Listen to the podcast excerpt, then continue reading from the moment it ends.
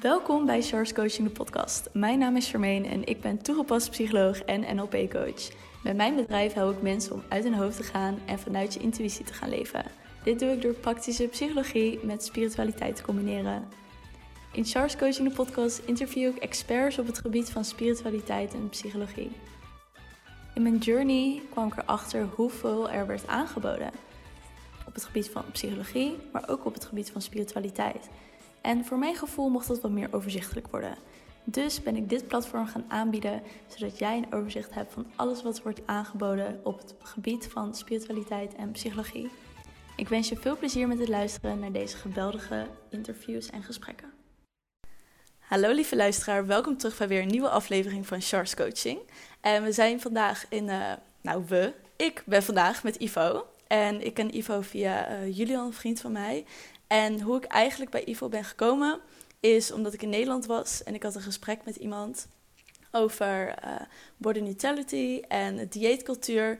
En toen kwam ik ineens met haar in gesprek over mannen, hoe dieetcultuur bij mannen is. En toen dacht ik, wow, dat is best wel interessant, want ik heb nog nooit op die manier echt gekeken dat er natuurlijk bij, mama, bij mannen ook een hele dieetcultuur is. En zodoende ben ik dat op Instagram gaan plaatsen. En toen zei Julian, je moet eens even contact opnemen met Ivo. Want Ivo kan hier heel veel over vertellen vanuit eigen ervaring en vanuit um, zijn beroep. Dus zodoende ben ik nu met Ivo. En ik zou het heel erg leuk vinden als je jezelf even wil voorstellen aan de luisteraar. Ja, sowieso. Uh, dankjewel in ieder geval dat ik hier, uh, dat ik hier mag zijn. Uh, ik ben Ivo, 26 jaar en ik denk dat ik nu sinds een jaar of vier, vijf mensen naar een gezonde leefstijl toecoach. Met sinds een jaar nu ongeveer extra focus op gezond eetgedrag. En dat is niet, uh, dat is niet zonder reden. Um, dat komt namelijk omdat ik zelf een jaar of drie geleden, uh, terwijl ik dus al uh, als leefstijlcoach aan de slag was, zelf een eetstoornis ontwikkelde. een heel traject in, in was gegaan. en daar uiteindelijk gelukkig ook weer helemaal van hersteld ben. En de lessen die ik tijdens die periode zelf heb geleerd, die deel ik nu met, uh, met anderen. En ja, goed, daar help ik nu anderen bij. Oh, wow. Zou je ons misschien willen meenemen in hoe dat is ontwikkeld? Want je zegt ook van ja, het was al tijdens dat ik een leefstijlcoach was. Hoe is dat dan gegaan? Ja, ja maar dat is, dat is een, een vraag die mensen uh, me best wel vaak stellen. Van, hey Ivo, je was dus al uh, afgestudeerd. Ik heb tussen 2013 en 2017 bacheloropleiding sportkunde gedaan in Haarlem. En ik was dus al aan de slag zelf als leefstijlcoach. En ondanks dat, uh, ondanks dat ik in principe de dingen wist, ontwikkelde ik zelf een eetstoornis. En dat, ja, hoe dat was gelopen, dat kwam eigenlijk als volgt. Ik was dus al aan de slag als leefstijlcoach. Ik had mijn eigen praktijk geopend. En um, dat kwam niet helemaal lekker van de, van de grond. Althans, hè, dat, dat ging me niet snel genoeg, laat ik het zo zeggen. Dus toen ging ik voor mezelf op zoek naar manieren van... hey, hoe kan ik... Uh, ja, hoe kan ik als een nog betere coach, als een nog betere trainer uh, uh, overkomen. En nou ja, dat in combinatie met uh, mijn zelfbeeld, wat niet helemaal on point was, ontwikkelde ik eigenlijk die eetstoornis. En wat er gebeurde is, ik wilde de identiteit ontwikkelen van een trainer die het hele jaar door droog stond, als soort van voorbeeldfunctie. Alleen dat is, achteraf gezien, is dat natuurlijk iets, iets onhaalbaars gebleken.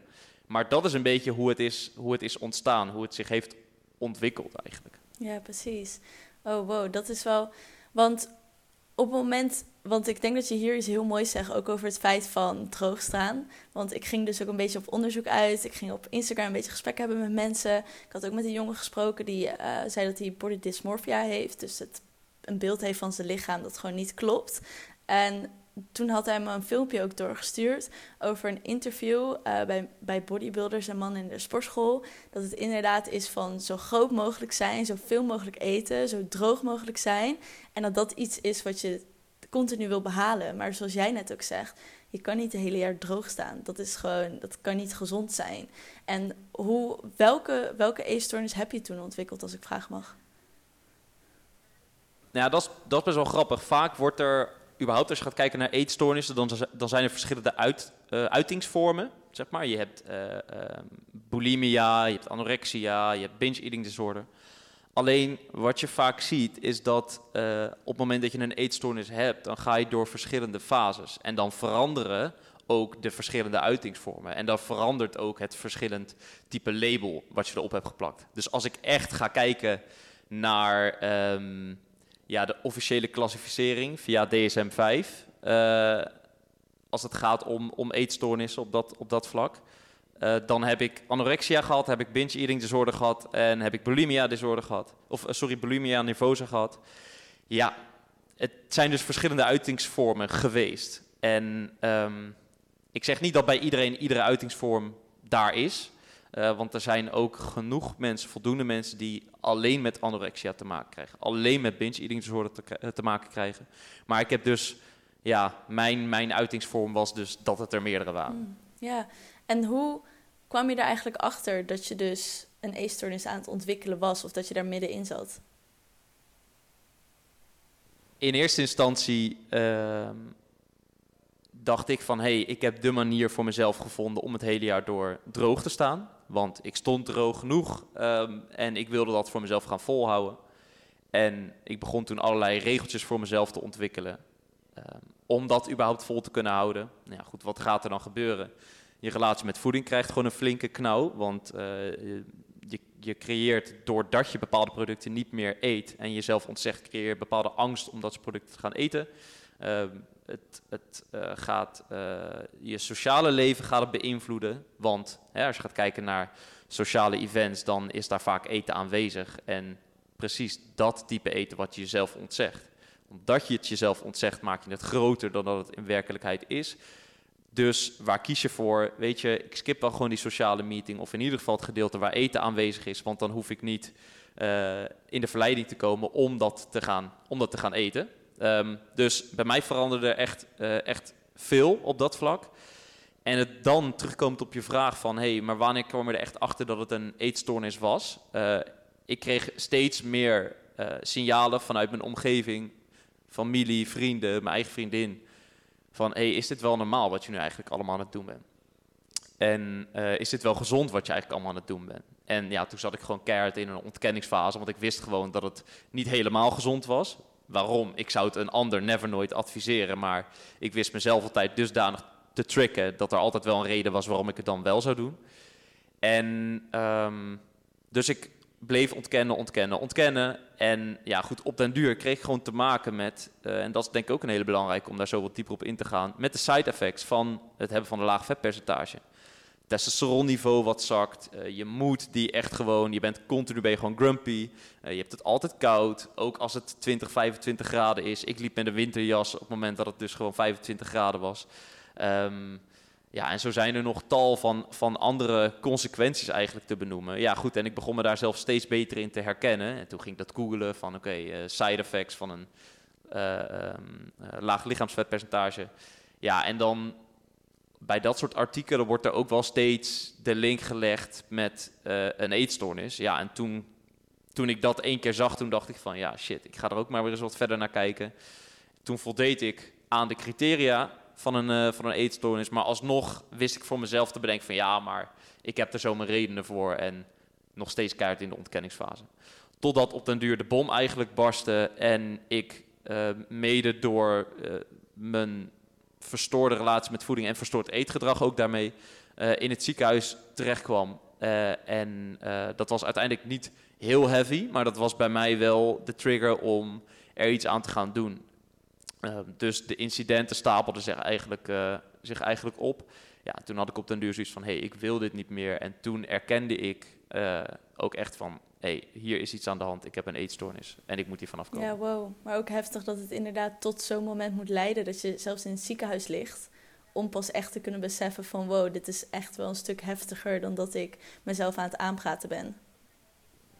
Ja, ja. En dat is ook, um, als je dat soms ook wel eens hoort van, van, uh, van mensen met, van ook met anorexia, dat ondanks dat ze meerdere keren opgenomen worden in het ziekenhuis, dat ze laten we zo zeggen, die knop niet om kunnen zetten om uh, normaal te gaan eten eigenlijk. Ja, zo hardnekkig is het dus. Zo erg probeert, ja, zeg maar, je eigen um, mentale staat zich uh, in die situatie te, te houden en behouden. Ja. ja. ik heb ook een vriendin van mij, die heeft ook uh, anorexia gehad, ook in extreme mate. En die legt ook uit dat het voor haar is het alsof er een andere persoon met haar praat. En telkens zegt zo van nee, maar dit moet je niet doen. Dus je kan het ook telkens niet relativeren, omdat die andere persoon steeds sterker is dan dat jij zelf bent. Ja, ja. Ja, ja precies, precies. Het is echt, eh, je hebt uh, het een soort van het duiveltje op je schouder continu, die jou toeleidt naar, ja, naar de eetgestoorde gedachten, maar ook voornamelijk de gedragingen die daarbij horen.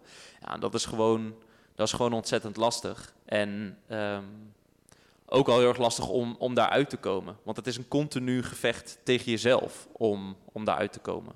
En ehm, ja, dat, dat zie ik in de praktijk nu ook wel vaak, vaak terugkomen. Ja, en voordat ik daarop in wil haken van eh, hoe dat is gegaan, wilde ik nog even met je teruggaan naar dat stukje waarin je zei van ja, ik wil een jaar droog tegen, trainen, zo laag mogelijk vetpercentage.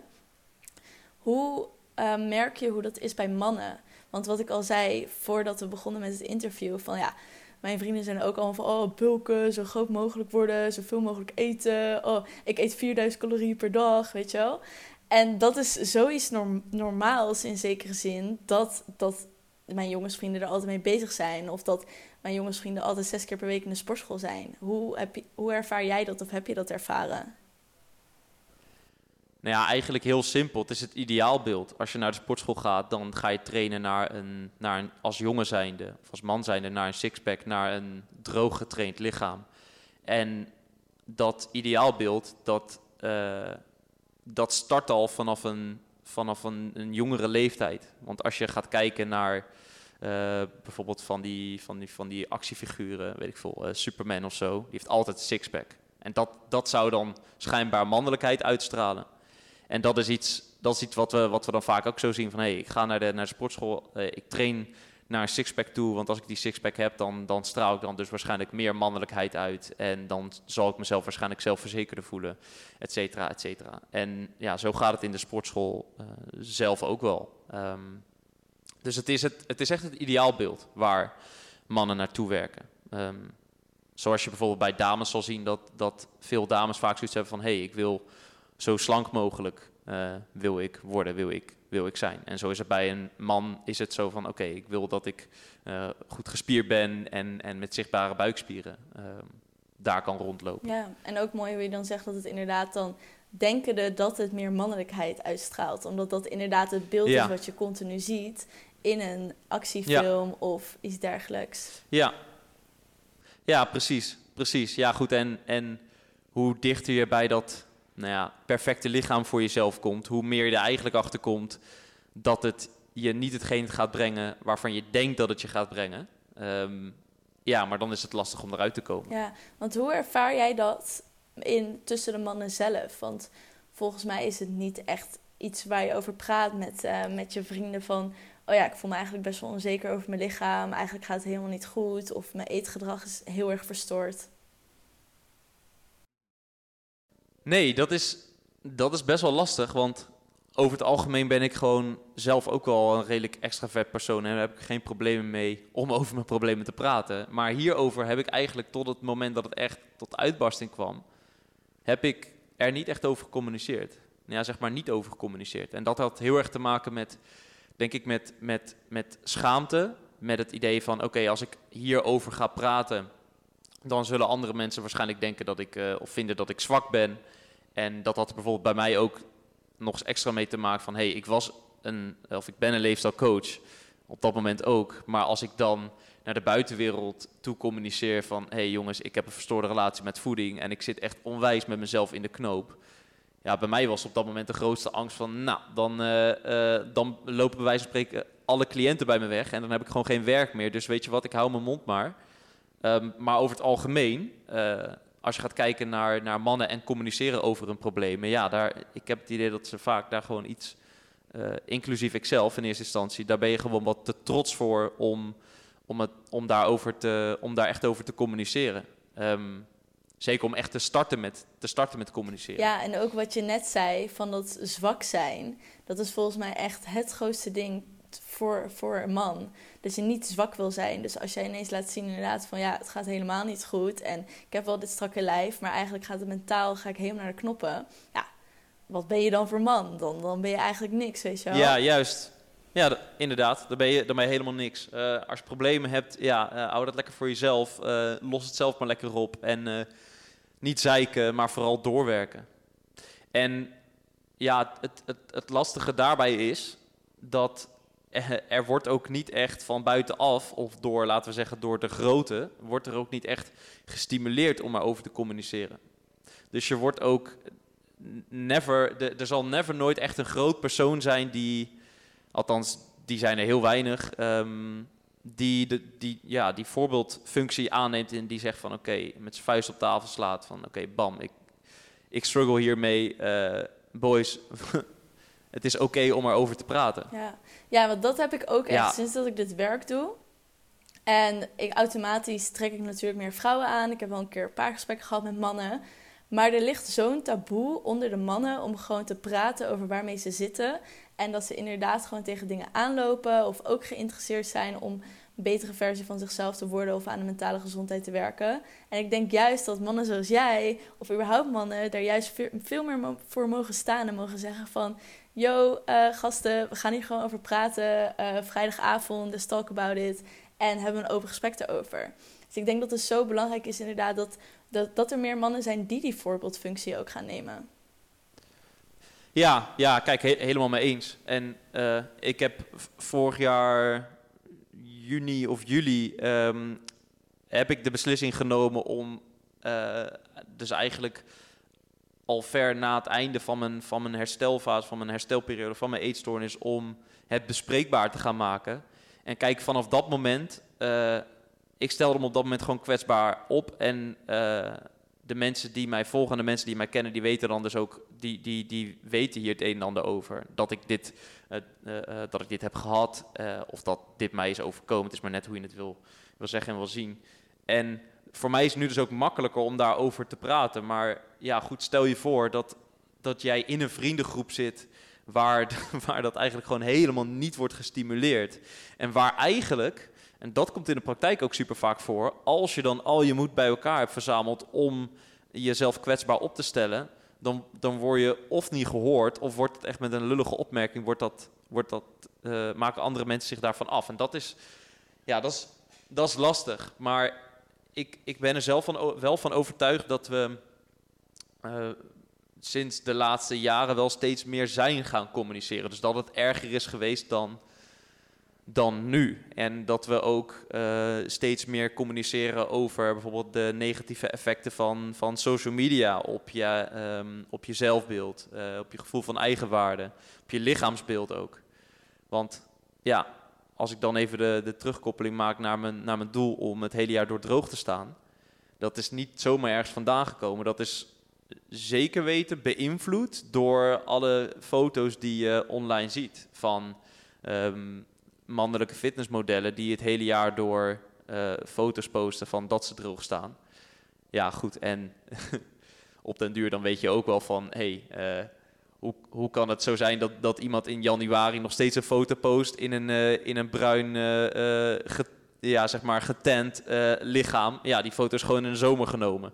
Um, dus, ze, ja, dus ze verzamelen gewoon een serie en foto's. Die en die worden dan het hele jaar ja, door gepost. Precies. Ja, dat, er, dat, dat maar gebeurt ook ik denk inderdaad vaak. dat daarin de invloed van social media ook een heel mooi aspect is. Want ik heb dat zelf ook ervaren. Ik was toen 15 of 16 was, ging ik aan de anticonceptie. En toen was ik echt 15 of 20 kilo aangekomen.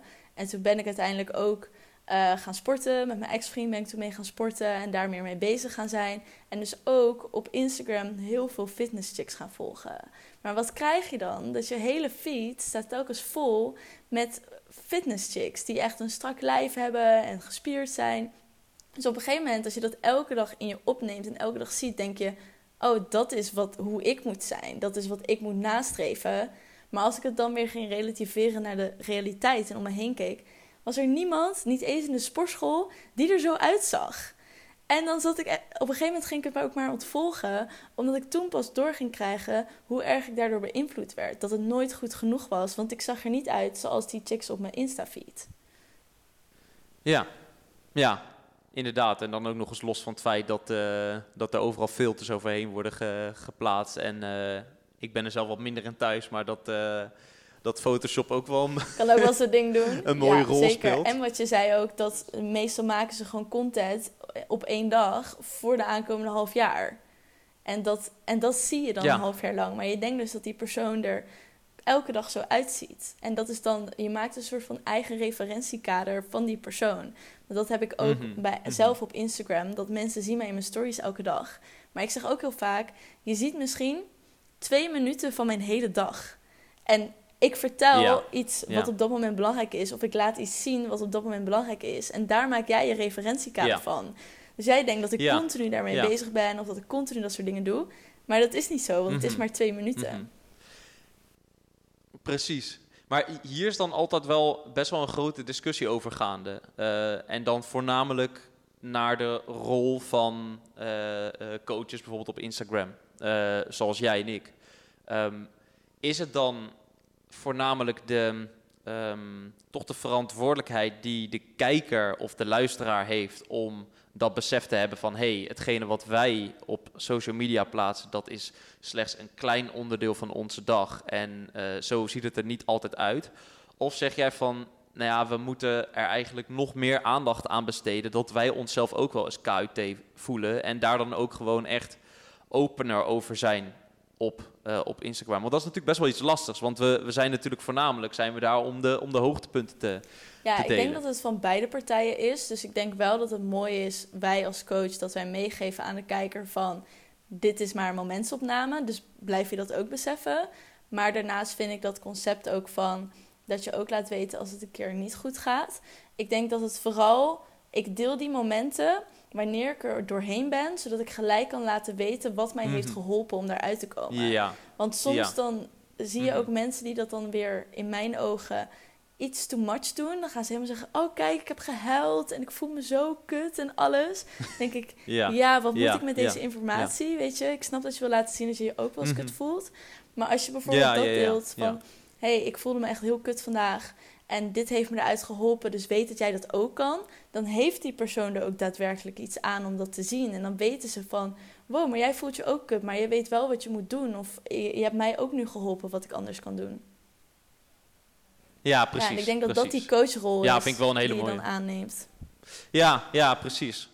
Ja, helemaal mee eens. Want ehm, ik, ik krijg dat van cliënten vaak ook wel gewoon te horen van... Ja, goed, ik volg dan, eh, ik volg dan mensen op Instagram en ik krijg er vaker een slechter gevoel over dan dat ik een beter gevoel van, van krijg. Want ik heb het idee dat mijn leven alleen maar eh, ja, eh, een ruk is en dat, dat zij alleen maar toffe momenten eh, delen. Dus ik denk dat het ook wel van, van Ja, beide daar, kanten die je komt, nu benoemt, vind ik ook zegt. interessant. Want daar vind ik ook dat de persoon die zich zo voelt... ook een stukje verantwoordelijkheid moet pakken... en vragen moet gaan stellen, waarom voel je je zo? Of waarom volg je die persoon dan? En wat maakt dat je jezelf zo erg vergelijkt met die persoon? Wat kan jij anders doen in je leven? Dat jij je ook beter voelt en dat je kijkt naar zo'n profiel en denkt... wow, kan die persoon dat? Dat wil ik ook. Daarvoor ga ik ook. Dat het je motiveert en inspireert in plaats van naar beneden haalt. Dat zijn ook interessante Ja. vragen. Ja, dus eigenlijk zeg je van oké, welke, wel- eh, welke persoon die je volgt of welke personen die je volgt eh, geven mij juist inspiratie en juist motivatie om ergens mee aan de slag te gaan. En welke personen, van welke personen voel ik me eigenlijk alleen maar minder, voel ik me eigenlijk alleen maar ja, eh, slechter over mezelf. Dus dat is wel mooi. Ik geef dat cliënten ook wel door. Dat is gewoon letterlijk een opdracht van oké, bekijk je, en dat is misschien voor de luisteraars ook wel leuk. Bekijk je lijst met de personen die je volgt, bekijk die eens kritisch. En ga eens bij iedere persoon na. Neem daar eens een uur de tijd voor. Dus niet vijf minuten en denken dat het dan klaar is, maar neem er echt eens een keertje een uurtje de tijd voor. En bekijk eens van, hey, welke persoon geeft mij juist een positief gevoel en welke persoon, eh, door welke persoon haal ik mezelf eigenlijk alleen maar naar beneden. Eh, en ehm, ontvolg of de persoon die jou naar beneden haalt, of waarvan jij het gevoel hebt van, hey, hierdoor ga ik mezelf niet beter voelen over mezelf. Of eh, schakel bijvoorbeeld de stories van, die, van diegene een keertje voor een week uit en kijk wat dat met je doet. Dus je hoeft niet meer voor, eh, sorry, je hoeft niet voor altijd die persoon te, te muten, maar kijk eens wat dat met je, met je mentale gezondheid doet. En laat ik direct eerlijk met je zijn, ehm, dat, doe ik zelf, dat doe ik zelf ook. Want ik word helemaal gillend gek van eh, alles en iedereen die eh, zijn ochtendroutines post. eh, en ehm, vervolgens word ik hier wakker om 8 uur of om 7 uur. En krijg een slecht gevoel over mezelf. Want ik heb die andere personen, die zijn om 5 uur opgestaan. Die hebben, al, die hebben al een ochtendroutine erop zitten van heb ik jou daar. Ja, en ik doe net mijn ogen Ja. open. En weet, dat Ehm. vind ik ook een mooi. Die, ik vind het sowieso mooi. Ik heb twee dingen in mijn hoofd die ik wilde delen. Over die ochtendroutine, ten eerste voor de luisteraar ook. Dat iemand om vijf uur opstaat, hoeft niet te zijn dat jij dat ook moet doen. Want dit is echt een soort van heilige persoonlijke ontwikkelingsding. Dat je om vijf uur 's ochtends opstaat en sport en mediteert. En dan om zeven uur al klaar bent om de dag te beginnen. Als het niet voor je werkt, dan werkt het niet. Ik sta om acht uur of negen uur pas sta ik op. Omdat dat voor mij gewoon super goed werkt. En dan doe ik een beetje mijn ochtendroutine. Dus ik begin wat later op de dag, maar ik pak hem ook iets later door als dat nodig is. En als dat voor jou beter werkt en je hebt er een mogelijkheid voor, doe dat dan ook vooral. Want dat is jouw routine en wat voor jou werkt. En ook wat je zei over dat muten. Ik had toen vorig jaar winter, ik volgde echt op mijn zakelijke account 400 mensen of zo. En toen dacht ik, waarom volg ik al deze mensen? Ik kijk niet eens naar wat zij doen. Dus toen was ik een paar mensen gaan opvolgen. Zat ik op 200. Volg ik nog steeds te veel. Ging ik naar 100. Volg ik nog steeds te veel. Ben ik naar 40 gegaan. En toen kreeg ik superveel berichten van mensen die zeiden... Wow, hoezo volg je zo weinig mensen? En eh, hoe heb je dat gedaan? En ik vind dat lastig, want... Wat als iemand anders me niet meer aardig vindt? Of wat als iemand anders me niet meer leuk vindt als ik ze niet meer volg? En toen zei ik ook van... De mensen waarmee ik het beste mee omga, die weten dat ook al, ook al volg ik ze niet, dat ik ze even aardig vind. Maar dat ik gewoon meer rust aan mijn hoofd wil hebben. En nu volg ik zelfs helemaal niemand meer op mijn zakelijk account. Omdat ik gewoon focus wil hebben op mijn, op mijn werk en bedrijf. En als ik iemand een keer wil berichten, dan kan ik die vinden. En ik denk dat het vaak dus vanuit een stukje... oh, ik wil nog wel leuk gevonden worden en aardig gevonden worden... door iemand te volgen... En dan werkt het inderdaad goed om ze eventueel te muten, zodat je wel inderdaad kan checken van, oh, heeft die persoon meer invloed dan ik dacht. Maar weet ook dat als die mensen jou echt zo aardig en leuk vinden, dan weten ze dat ook al volgen ze niet meer, dat het ook helemaal goed is. En dan stuur ze een berichtje van, hey, uh, ik wil wat rustiger aan op social media, ik ga wat mensen ontvolgen, weet dat ik je net zo aardig en leuk vind als voorheen. Dat je dat in je story zegt. Ja. Ja, ja, precies. Zo, zo Ja, inderdaad. Het gaat over jouw Eh, mentale gezondheid. En dat is veel belangrijker dan dat is iemand je leuk vindt of niet. Omdat je ze volgt op social media. Ja.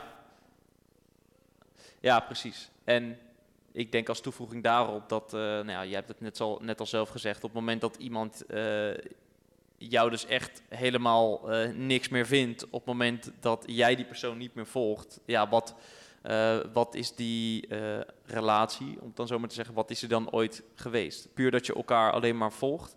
Nou ja, eh, I don't know. Ehm, ik, denk, ik denk dat daarnaast waar we gewoon veel meer aan hebben is, naast natuurlijk social media, maar is echt gewoon de echte menselijke verbinding. In plaats van dat je elkaar allemaal moet gaan volgen, zonder dat je elkaar misschien echt... Ja, of Spreekt. inderdaad. Ja, mooi.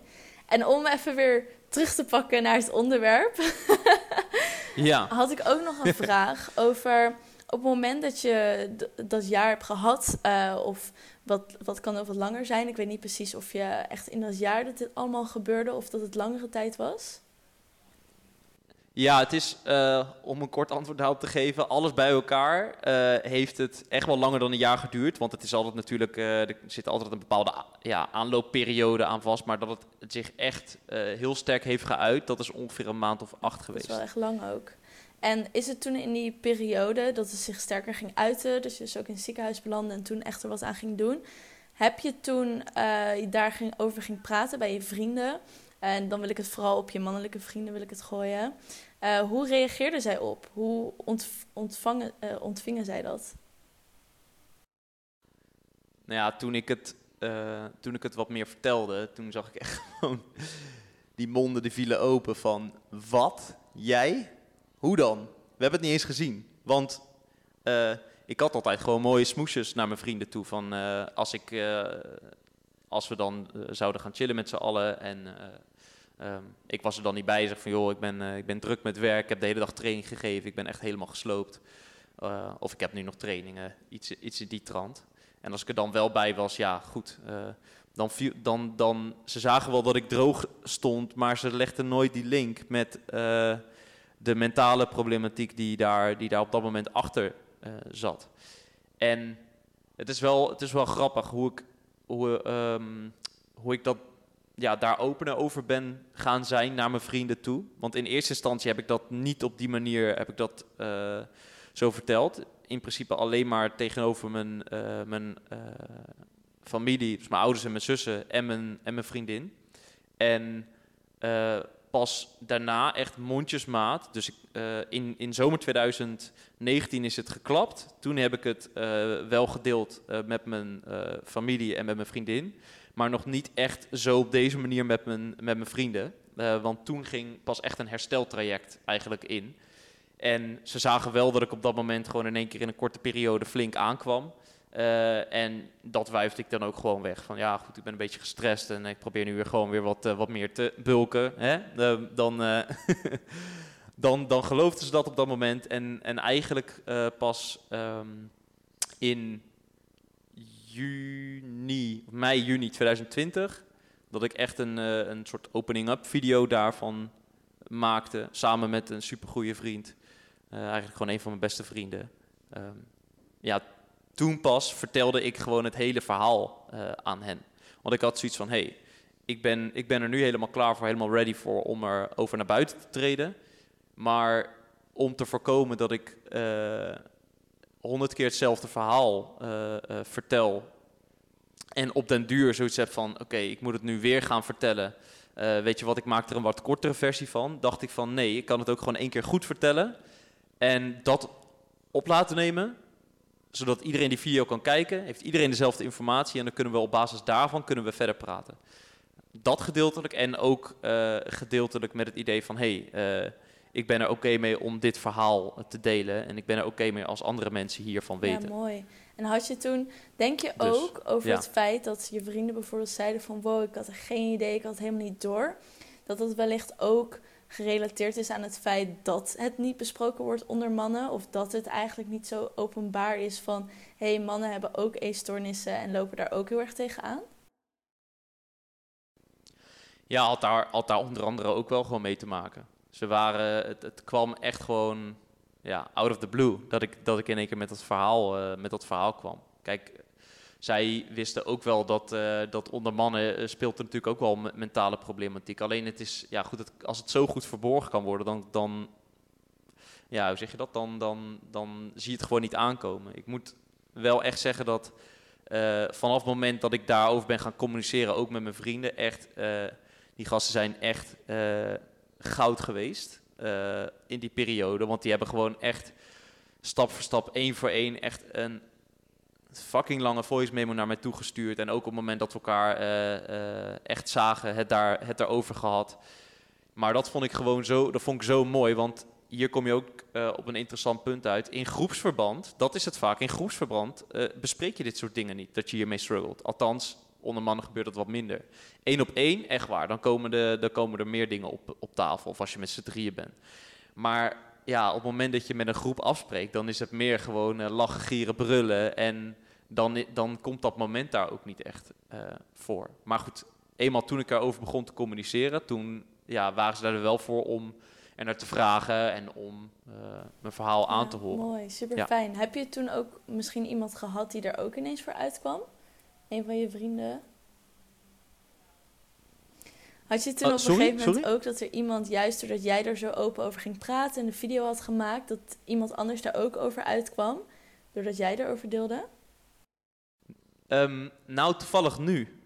Uh, op dit moment help ik, uh, help ik een supergoeie vriend uh, van me die laatst ook naar me toe is gekomen van hey Ivo, ik merk gewoon nu aan alles dat, ik, dat het niet goed zit bij mij. Ook toevallig een, een jongen die dezelfde opleiding heeft gedaan of in dezelfde tak een opleiding heeft gedaan. Ja, die zegt ook gewoon van ja, goed, dit werkt, het, het, werkt gewoon niet helemaal chill. Dus ik help hem daar op dit moment ook bij. Dus het, wat, ik, wat ik wel merk is dat degene die weten dat ik hier open over heb gecommuniceerd, die, die komen dus ook gewoon eerder naar me toe om, daar, om daarover te, te praten. En denk je, omdat je ja. nu ook weer benoemt van hé, hey, ja, er is nu een supergoeie vriend van mij die dezelfde opleiding heeft gedaan die bij mij komt. Denk je dan ook dat het misschien belangrijk is om op de opleiding hier meer over te praten. Of misschien zelfs een, een, een vak hierover te hebben? Ja, ja, 100%. Ik denk echt wel dat. Uh, kijk, het is natuurlijk aan de ene kant best wel pittig. Een uh, bachelorstudie van vier jaar. Uh, studenten komen op dag één binnen en vinden het gewoon leuk om iets met sport, voeding en leefstijl te gaan doen. En ja, in die vier jaar moeten, ze, moeten de docenten, moeten uh, hun studenten ook gaan doseren in alles uh, wat daarmee te maken heeft. Um, en dan voornamelijk de basis. Alleen, ik denk wel dat het, uh, dat zeg maar, je gaat kijken naar, naar, naar coaching, naar begeleiden van, van cliënten als het gaat om, om het stukje voeding in deze, dat het wel heel belangrijk is om daar gewoon echt uh, niet alleen maar één, één keer een vak in een bepaalde periode uh, daaraan te besteden, maar om eigenlijk van begin af aan, of nadat de basis er misschien wat meer in zit, om dat echt te introduceren. Omdat het gewoon in de praktijk zie je gewoon dat zoveel mensen een, een verstoorde, in ieder geval een verstoorde relatie met voeding hebben. Een verstoorde relatie met voeding misschien ook wel kunnen ontwikkelen. Want als je gaat kijken naar uh, voedingscoaching, uh, voedingsbegeleiding en ook alle, alle apps en dingen die daarbij horen, MyFitnessPal. En nou ja, je hebt er nog een heleboel andere.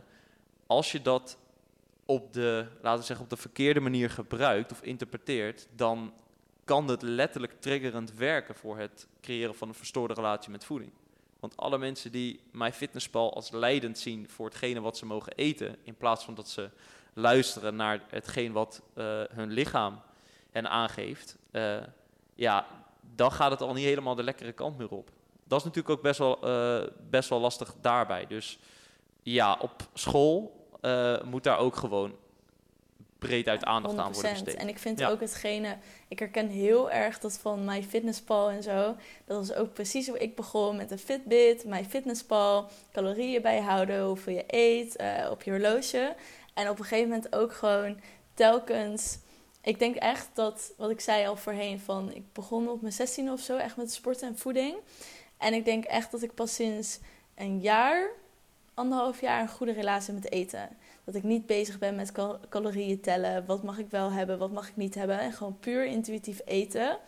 Want ik was ook echt zo'n persoon die dan dan gingen we wat eten of wijntjes drinken. Oh ja, dat is zoveel calorieën. Dus dan moet ik wel extra sporten deze week. Of dan moet ik zo meteen ja. nog extra lopen. Ja. En dat is gewoon niet gezond. Dat is gewoon, nee. En dat terugkrijgen, nee. die ver, dat vertrouwen. En ja. vertrouwen op je lichaam, dat het weet wat je moet doen zonder dat je aankomt. Dat is echt wel een heel proces. Ja. Ja, ja, en dat is een proces van, van vallen en opstaan. En ook uh, daarbij denk ik ook dat juist de waarde van een, van een coach, of in ieder geval een accountability partner daarin. Uh, dus samen met iemand anders die misschien wel ongeveer datzelfde doel heeft, of iemand die daar al wat meer ervaring in heeft, dat je dat echt wel heel erg daarbij kan gaan helpen. Want uh, om van een verstoorde relatie met voeding naar een gezonde relatie met voeding te komen. Want ja, eh, goed, zelf is het heel lastig om daarbij uh, om daaruit te komen, want je trickt jezelf. Dat dus, uh, waar jij het dan net ook al over had, dat je gewoon telkens excuses en smoesjes was. Ah joh, maar bij mij is dat niet. En nee, ik doe het voor dit en dat. Je bent telkens iets aan het verzinnen dat een soort van goed praat wat er gebeurt. Terwijl, wees gewoon eerlijk naar jezelf toe van... hé, hey, ik heb inderdaad geen goede relatie met voeding. Het hoort iets te zijn waarvan je geniet en waar je helemaal niet mee bezig bent in je hoofd... Uh, en waar je gewoon die sociale activiteiten nog steeds mee kan doen. En dat is, dat is ook genieten van het leven. En als je iemand hebt die zegt: hm, Ik vind eigenlijk een stap naar een coach nog best wel spannend om te doen. Wat is iets wat ze zelf kunnen doen om toch wel iets van stappen erin te zetten? Of tenminste bewuster van te worden? Bedoel je dan meer dat op het moment dat mensen echt te maken hebben met een eetstoornis? Nee, de verstoorde eetrelatie. van nee, denk, we pakken ja, het. meer daarop Ja, ja, Um, wat je sowieso kan doen, uh, dat zijn denk ik wel een aantal dingen. In eerste instantie uh, heel goed kijken naar wie jij volgt op social media. Dus dat is al een, uh, een, al een hele mooie stap. Want op het moment dat je ermee aan de slag wil gaan, maar jij wordt alsnog geconfronteerd met alle lichamen en, en alle food accounts. En niet alleen maar op Instagram, maar check je YouTube feed ook gewoon eventjes goed daarbij. als uh, jij minder bezig wil zijn met voeding en jij ziet uh, op YouTube, op je uh, aanbevolen pagina, zie je alleen maar eetvideo's, dan kan je gewoon bij iedere video aangeven, ik ben hier niet in geïnteresseerd en zo raak je steeds wat meer uit die bubbel. Dus dat kan je sowieso al doen. Um, en het is natuurlijk heel erg lastig om je eigen verstoorde relatie met voeding, om dat helemaal te herstellen, natuurlijk. Um, je zou je wat meer kunnen gaan verdiepen in het concept van intuitive eating. Uh, want de principes die terugkomen bij intuitive eating, die uh, representeren wel een, een, een, gezonde relatie met voeding. Dus daar zou je jezelf wat meer in kunnen verdiepen. Uh, en verder zou je kunnen gaan kijken naar ehm, je eigen eetgedrag op dit moment. En nogmaals, dat is lastig, maar zover je, zover je, voor zover je daar eerlijk kan zijn tegenover jezelf, bekijk welke eetregels jij jezelf overdags oplegt om uh, aan een bepaald iets te voldoen, maar wat eigenlijk gewoon die verstoorde relatie met voeding triggert. Ook als je gaat kijken naar de relatie met eetbuien, dan zien we vaak dat op het moment dat mensen eetbuien ervaren, dat ze zichzelf na een eetbui bijvoorbeeld, of na een periode van overeten, zichzelf schuldig voelen, gaan compenseren door juist te vasten of door juist extra te gaan bewegen. Maar weet in ieder geval dat dat juist weer triggerend werkt voor een nieuwe eetbui. Dus ja, inderdaad. Ehm, en uh, weet ook dat als je die visueuze cirkel van uh, eetbuien en vervolgens jezelf restricten wil gaan doorbreken, dat je na een eetbui juist niet wil handelen naar die compensatiemechanisme. En uh, ja, voor zover dat kan, daar, daar zelf mee aan de slag gaan.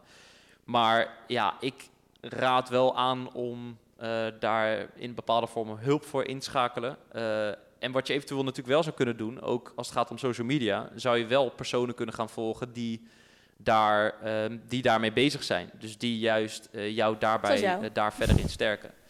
Um, ja, dat zou, dus dat zou inderdaad kunnen. Je kan me altijd berichten.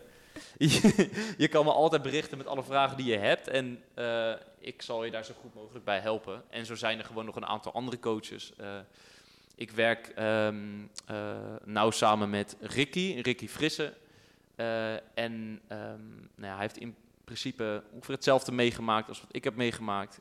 en we zijn onze krachten gaan, gaan bundelen sinds vorig jaar. En we helpen daar nu dus samen mensen bij. En ook wel mooi, hij heeft toevallig, uh, in het afgelopen jaar heeft hij een boek geschreven. Heet Vrijheid van Voeding. En daarin uh, helpt hij je mede, samen met zijn eigen ervaringen, helpt hij jou naar een gezonde relatie met voeding toe. Ik, zou dat allemaal, ik ga het dus allemaal in de show notes zetten. Ik Als zou jij zeggen, me een linkje stuurt, dan zorg ik dat het in de show notes staat. Ja, ja, ja dat, gaan we, dat gaan we doen dat gaan we doen. Want dat is echt wel. Um, uh, hij heeft het boek zelf helemaal geschreven. Ik heb alle stukken uh, uh, tegengelezen. En ik kan echt wel zeggen: hey, dit is niet je standaard dieetboek.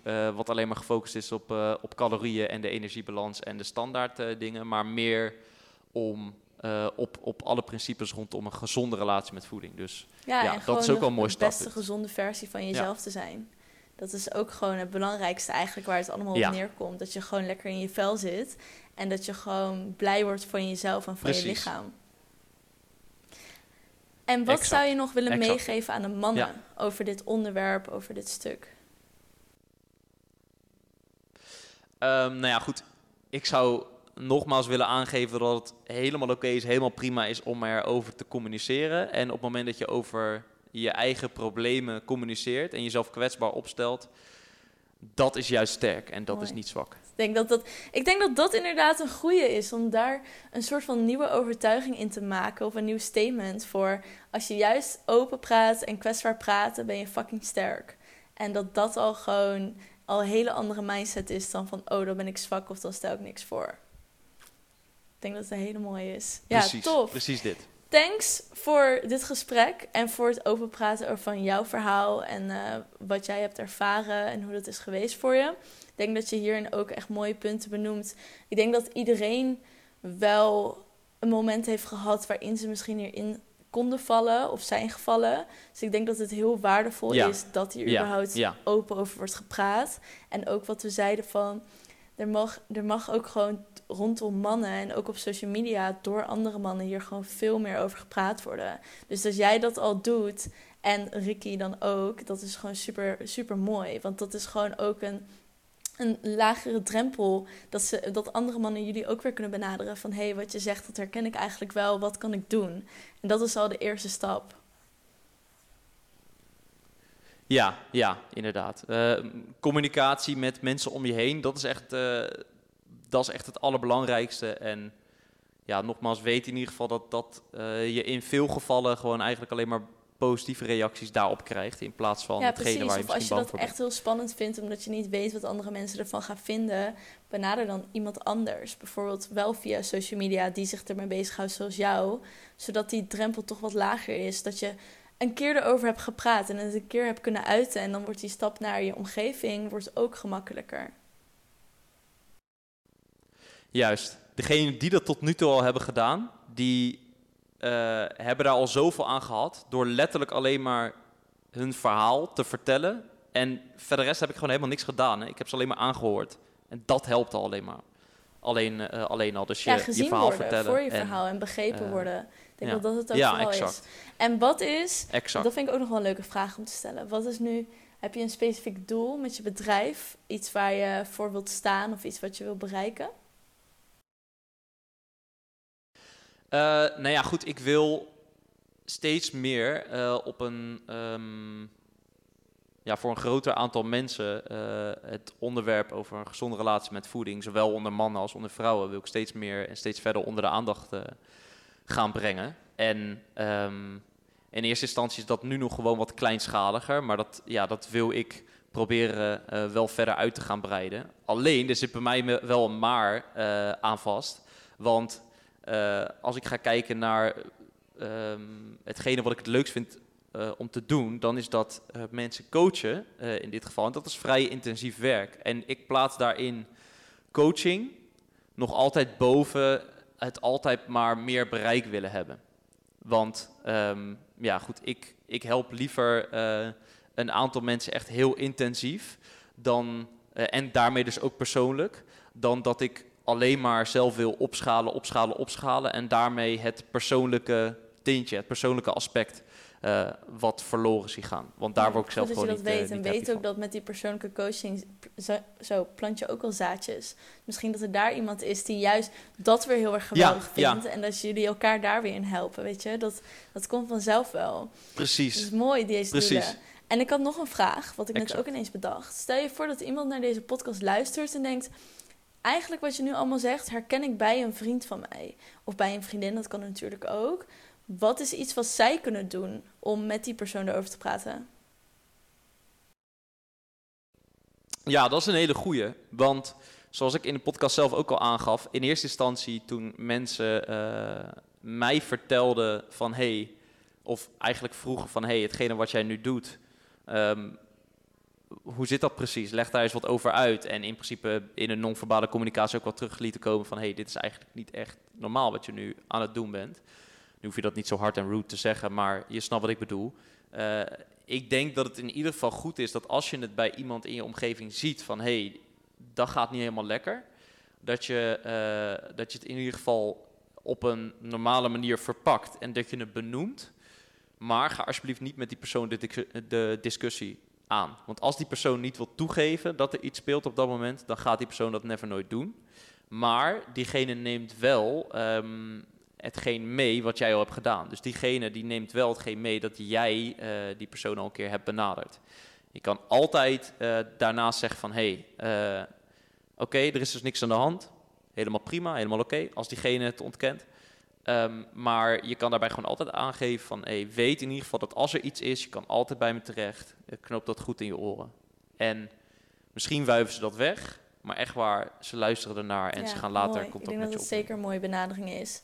En ook inderdaad, wat jij ook al zei van, dat herkende ik ook bij die vriendin. Er komen gewoon telkens smoesjes. Ah ja, ik, ben, ik heb geen honger.